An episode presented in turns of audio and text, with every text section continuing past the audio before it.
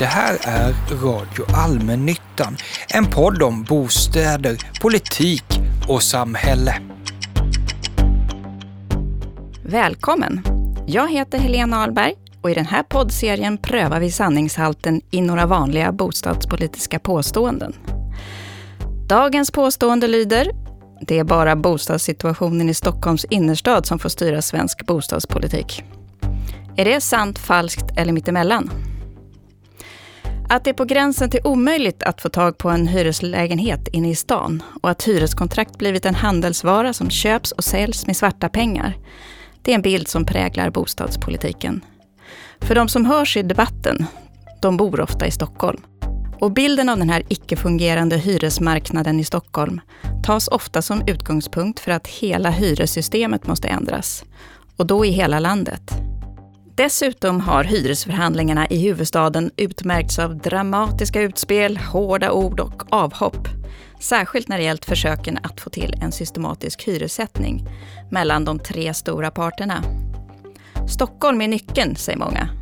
Lyckas man inte få till en bra hyressättning där så riskeras hela den svenska hyressättningsmodellen.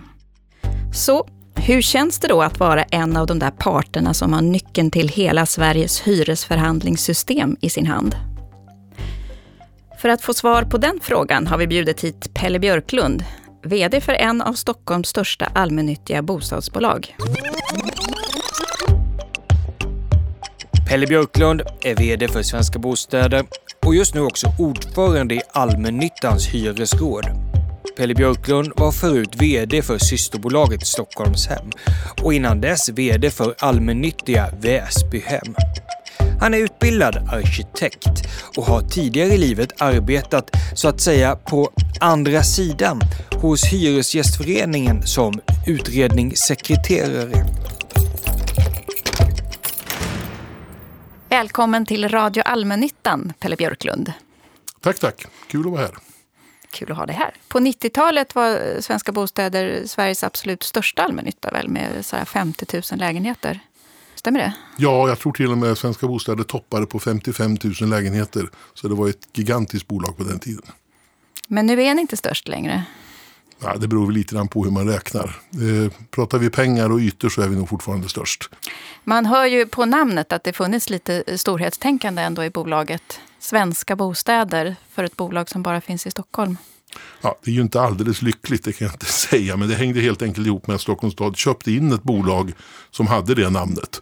Och det blev det bolag vi har idag. Så att det, det har den, den bakgrunden. Baltzar Lundbom som bildade bolaget hade nog storhetsvansinne. Men han tror aldrig han hade mer än 300 lägenheter. Men det, det var bakgrunden. Okej. Okay. Av alla städer i Sverige så kan man väl nästan säga att det genom året varit allra svårast att förhandla fram hyrorna i Stockholm. Varför är det så stormigt just i Stockholm? Ja, jag är inte säker på att det är svårast i Stockholm. Eh, men det har ju också väldigt stor uppmärksamhet. Eh, det vi gör upp i Stockholm när det gäller hyror har stor influens på, på andra bolag i Stockholms län och kanske till och med i hela landet. Därför blir det väldigt uppmärksammat. Sen kan man inte säga att vi har strandat hyresförhandlingar oftare än någon annan.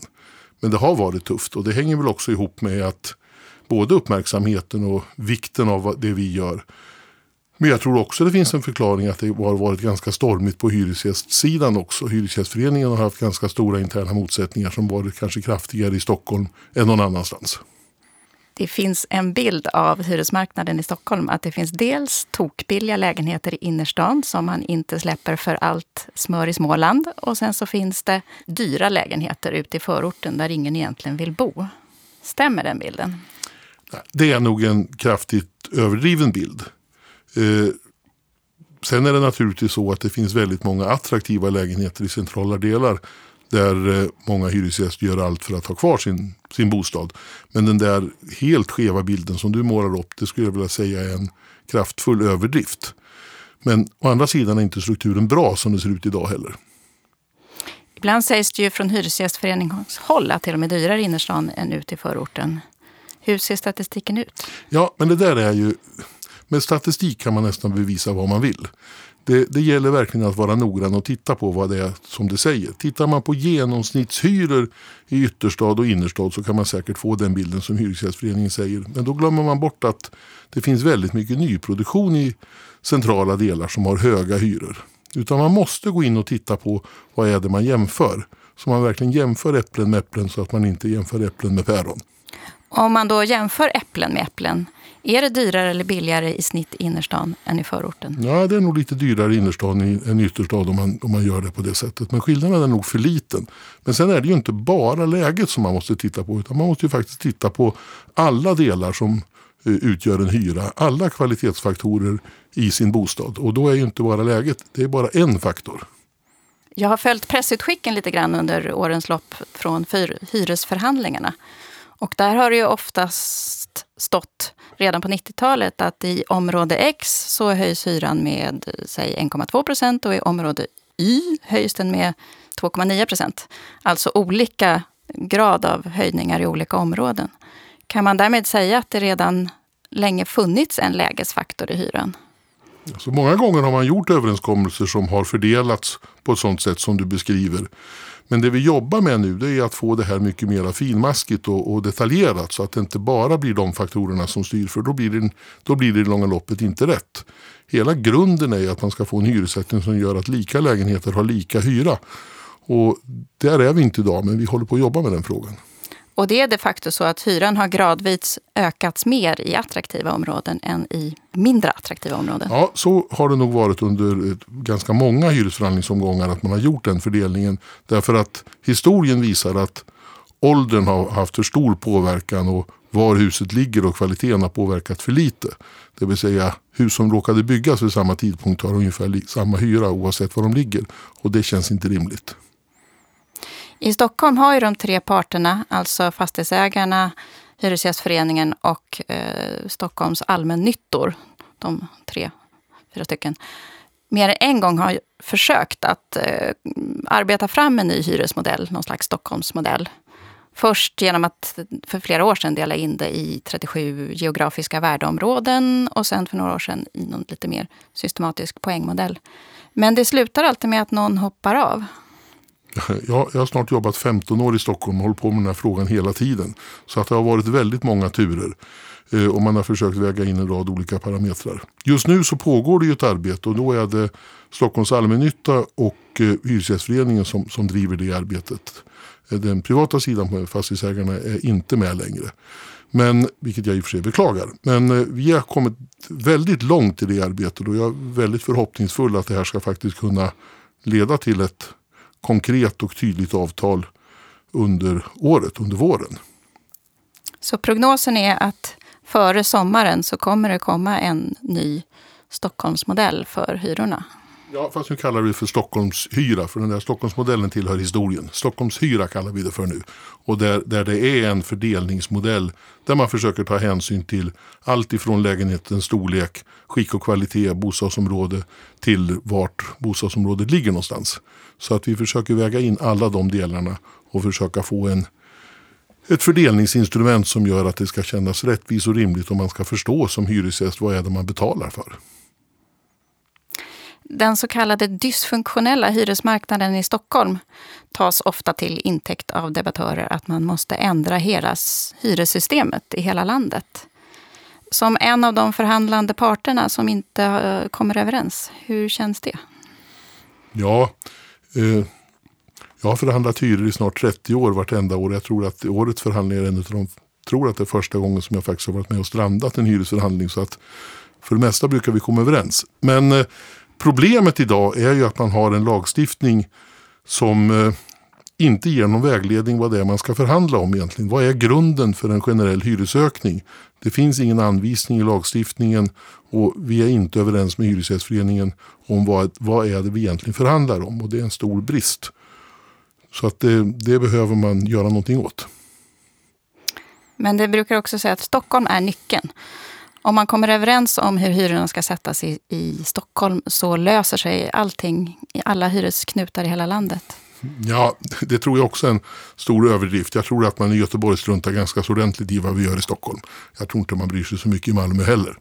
Eh, så att, eh, men för Stockholms län så har det naturligtvis en stor betydelse. Men jag tror att det är väldigt viktigt att hyresförhandlingarna måste ju utgå ifrån de enskilda bolagens lokala förutsättningar.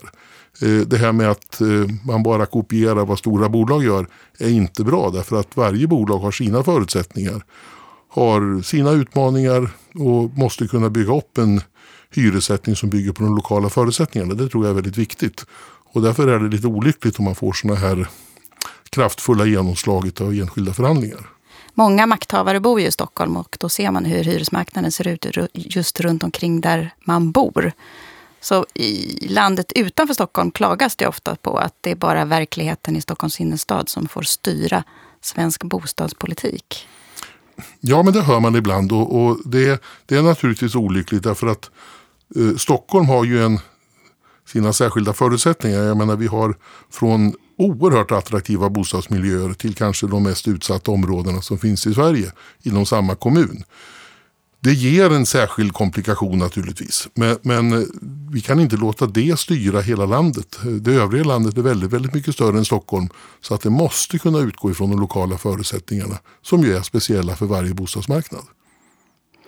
Fastighetsägare brukar ofta uttrycka att eh, man upplever det som att Hyresgästföreningen har veto i förhandlingarna. Att de har mindre skäl att komma överens. Stämmer det? Alltså om man tittar legalt enligt eh, lagstiftningen så har Hyresgästföreningen ett veto. Man kan inte förändra kollektiva hyror med mindre än att man kommer överens. Och enligt lagstiftningen så finns det ingen överprövningsorgan som kan lösa en kollektiv tvist. Blir man oense så är det bara att vända sig till eh, hyresnämnden och är det då ett stort bolag med kanske flera tusen lägenheter så kommer det att ta flera år innan hyresnämnden kan lösa en sån tvist. Det blir ju enskilda ärenden i, som tar en enorm tid i anspråk. På den allmännyttiga sidan så har vi ett överprövningsorgan med Hyresmarknadskommittén som, är ju, som kan ju lösa tvister.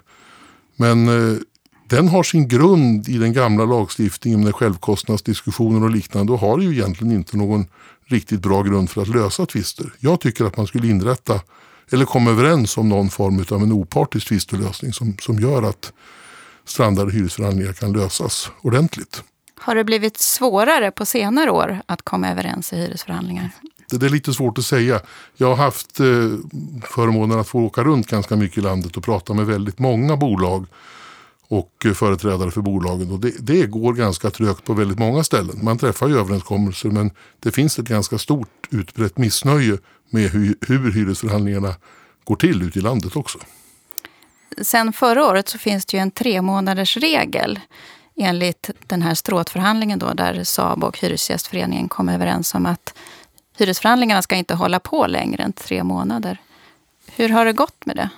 Jag har ingen riktigt överblick över det men det är ju, det är ju rimligt att, att inte förhandlingarna ska behöva ta längre än tre månader. Har man inte kunnat tala om vilka argument som finns för eller emot under tre månader så tror jag inte att det hjälper att hålla på så mycket längre. Hur skulle hyressystemet se ut om du fick bestämma alldeles, alldeles själv? Ja, det beror lite grann på vilka förutsättningar man ger. Men eh, jag tycker ju att man måste kunna komma överens mellan parterna vad det är man förhandlar om. Jag har ju haft ett uppdrag tillsammans med ett antal kollegor i landet att titta på den här frågan från Sabos sida. Och den slutsats som vi har kommit fram till det är ju att eh, lagstiftaren har ju gett parterna ett stort ansvar att sköta hyresbildningen i Sverige. Och har man fått det stora ansvaret så måste man också vara beredd att påta sig ett stort ansvar.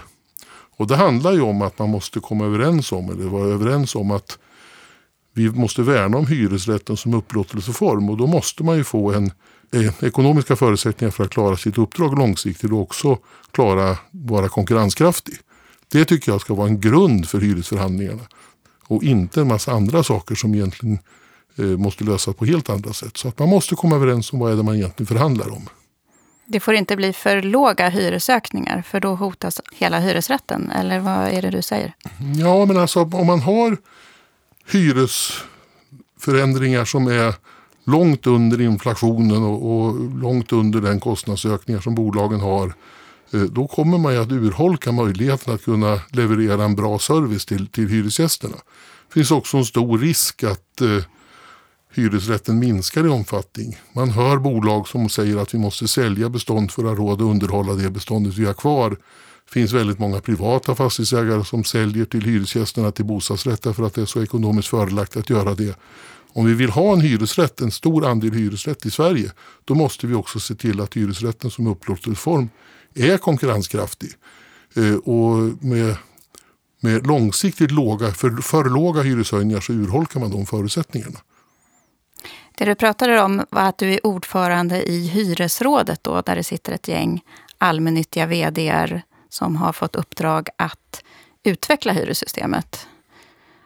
Har ni kommit fram till några konkreta förslag? Ja, ja, vårt uppdrag var ju att se vad kan man göra för att underlätta hyresförhandlingarna inom nuvarande lagstiftning. Och det vi kom fram till det var ju att vi, vi menar att det måste finnas någon form av överenskommelser, handslag eller hur man nu vill formulera det, både centralt och lokalt. Och där handlar det om att man kommer överens om att grunden för vårt uppdrag, alltså vårt förhandlingsuppdrag, det är att värna upplåtelseformens, alltså hyresrättens långsiktiga överlevnad eller möjligheter att utvecklas och konkurrenskraft.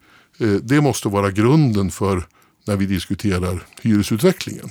Och det bör man kunna diskutera centralt, vad är det för grundläggande faktorer som påverkar, men framförallt lokalt.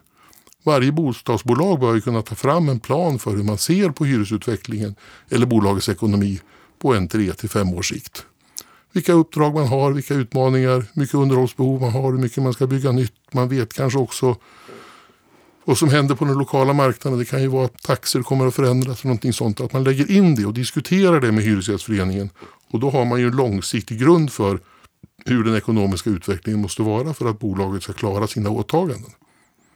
Borde det finnas någon form av opartiskt medlingsinstitut? Ja, det tycker jag. Sen hur det utformas, det kan man tänka sig på många olika sätt. Vad skulle fördelarna vara med det? Jo, men det hänger ihop med att den, dels finns det ingen, ingenting alls på den privata sidan, vilket jag tycker är en allvarlig brist. Den andra sidan, på, på den kommunala sidan, på allmännyttiga sidan, så finns hyresmarknadskommittén. Men den har ju ingen utslagsröst. Det är ju, det är ju, det är ju två stycken från Hyresgästernas riksförbund och två stycken från SABO som ska försöka komma överens om någonting. Och den konstruktionen leder ju automatiskt till att det blir någon form av kompromiss. Det vill säga, man riskerar inte att tappa hela målet. Har man en väldigt dålig argumentation och dåligt underlag, ja då kanske man förtjänar att faktiskt förlora riktigt ordentligt. På samma sätt som man har en bra argumentation så kanske man förtjänar att vinna. Eh, och det gör ju också att ett överprövningsorgan tycker jag ska vara ganska avskräckande, lite kusligt. Vilket ju gör att det finns en god, gott incitament att faktiskt göra upp lokalt. Eh, men då måste man också veta vad är grunden för prövningen. För idag är det så i hyresmarknadskommittén att det kommittén beslutar det är nästan alltid mittemellan part A och part B. Ja, man har ju lite elakt kallat det för halveringskommitté. Ja, det är väl en nidbild. Men, men det är naturligtvis någon form av kompromiss blir det naturligtvis eftersom det är två parter som måste komma överens. Det finns ingen utslagsröst. Att man bara hugger mitt emellan det är väl en nidbild tror jag. Skulle det bli högre hyror om det fanns ett oberoende medlingsinstitut där det fanns risk att båda parter kunde förlora? Alltså det är inte, det är inte, jag är inte ute efter att man bara ska ha så höga hyror som möjligt. Det viktiga tycker jag det är att en, det enskilda bolaget får en hyresutveckling som möjliggör att kunna vara ett riktigt bra bostadsbolag. Eh, hyresrättens överlevnad bygger på att vi kan leverera någonting riktigt bra till våra hyresgäster.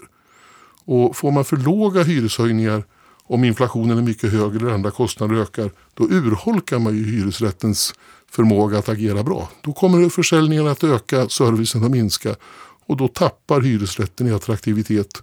Eh, och jag vill ha en bra hyresrätt. Det förtjänar hyresgästerna.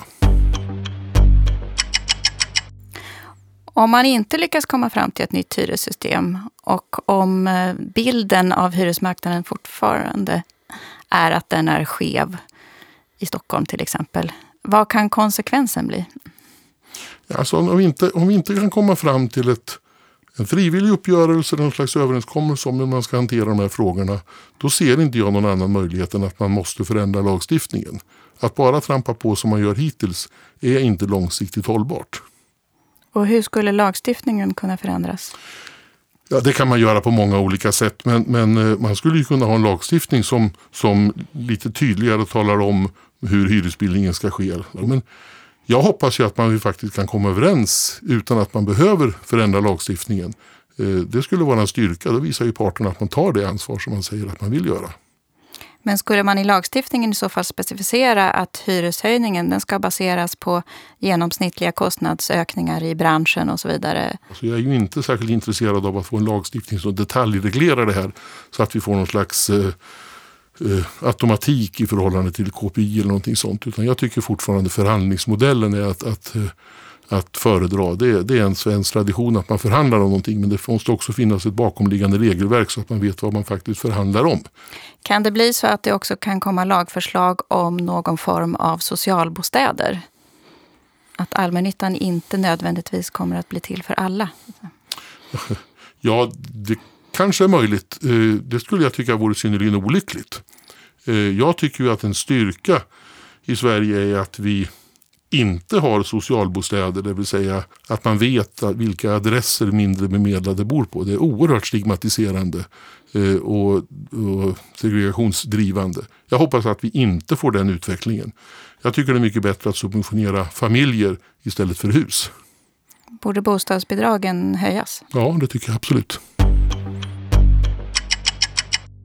Om det blir som du tänker dig i framtiden, kommer hyrorna i Stockholms innerstad vara generellt mycket högre än i förorten? Eh, jag tror att skillnaden kommer att bli större men det kommer också att finnas skillnader inom varje bostadsområde. I Stockholms innerstad finns det fantastiska paradvåningar från 1890-talet men det finns också miljonprogram i Stockholms innerstad. Det måste finnas en hyresskillnad mellan dem också. Så att det inte bara är geografin och det är väldigt viktigt att man håller reda på det utan man måste prata om bostadens kvalitet och då är läget en faktor men det, man måste titta på alla de här delarna. Och var i huset ska det spela roll? Om man har en mörk lägenhet långt ner och under mark, kanske man inte har. Men Eller högt upp med fin utsikt. Ja, sånt ska också påverka. Tanken är ju att man ska försöka värdera de faktorer som generellt sett en, en, en hyresgäst värdesätter. Det är klart att det är mer attraktivt att bo högt upp i ett hus med utsikt än att bo längst ner med utsikt över en parkeringsplats. Det bör påverka. Vilka tre faktorer borde styra hyran mest? Ja, den första som är viktigast den är så självklar att man ofta glömmer bort det, nämligen lägenhetens yta. En stor lägenhet ska ha högre hyra än en liten. Det är en självklarhet men det är viktigt att påpeka det.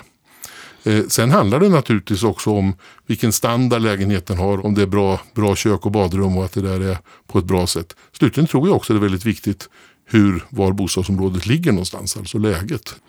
Och läge är kanske också hur nära man har till affärer och tunnelbana. Det behöver inte vara innerstan. Nej, alltså vi pratar ju om att det finns ju i stort men det finns också mikroläge. Det är en väldig skillnad om man bor i ett bostadsområde och man har den som ligger närmast sjö, sjökanten eller alldeles intill en park eller om det ligger i närheten av ett industriområde. Så att det finns väldigt många faktorer man ska väga in när det gäller också mer detaljmässigt om läget och det får man inte glömma bort. Hur många faktorer kommer ni att väga in i Stockholm? Jag kommer inte ihåg det men det blir, det blir vi har också sagt att det ska inte bli alldeles för många för då blir det precis någon slags räknesnurra av alltihopa det här. Utan det måste kunna vara fattbart och rimligt. Det är ju ett antal faktorer alltifrån, som jag sa, lägenhetens storlek till bostadsområdet. Och även förvaltningskvalitet tycker jag man ska väga in. Även om det är svårt att bedöma det så är det ändå för hyresgästens perspektiv är det väldigt viktigt. Hur bra jobbvärden gör med att hålla det snyggt och fint. Ja, precis. Det. Men jag menar, bor man i ett hus där det är omöjligt att få tag i sin fastighetsägare, det, man, det, trapporna städas inte och så vidare, så är det en väldigt trist. Och det, det ska premieras om man sköter sina hus på ett bra sätt. Hur kommer allmännyttan se ut år 2040? Om du tar fram din siarkula. Åh, oh, det var en svår fråga. Eh, drygt 20 år fram i tiden. Nu tror jag ju kanske att, eh, jag hoppas, eh, att allmännyttan är spänstig och vital och eh, fortsätter att producera mycket nya bra bostäder och framförallt ligger i topp när det gäller att ta hand om sina hyresgäster. Vi ligger väldigt bra till generellt sett idag. Jag tror vi kan vara ännu bättre om 20 år. En fortsatt fin allmännytta där alla typer av människor bor? Ja, det tycker jag. Och då ska vi nu se till att vi har ett varierat bestånd ifrån ja, i alla stadsdelar och alla, alla möjligheter. Så att det, det tror jag att vi skulle kunna ha, spela en väldigt viktig roll för, även för framtidens bostadsmarknad. Tack för att du kom till Radio Allmännyttan, Pelle Björklund. Mm, tack. Du har hört Radio Allmännyttan, en podd från Allmännyttans intresseorganisation SABO. Den spelas in hos produktionsbolaget Filt Hinterland. Producent Simon Måser, tekniker Gustav Sondén.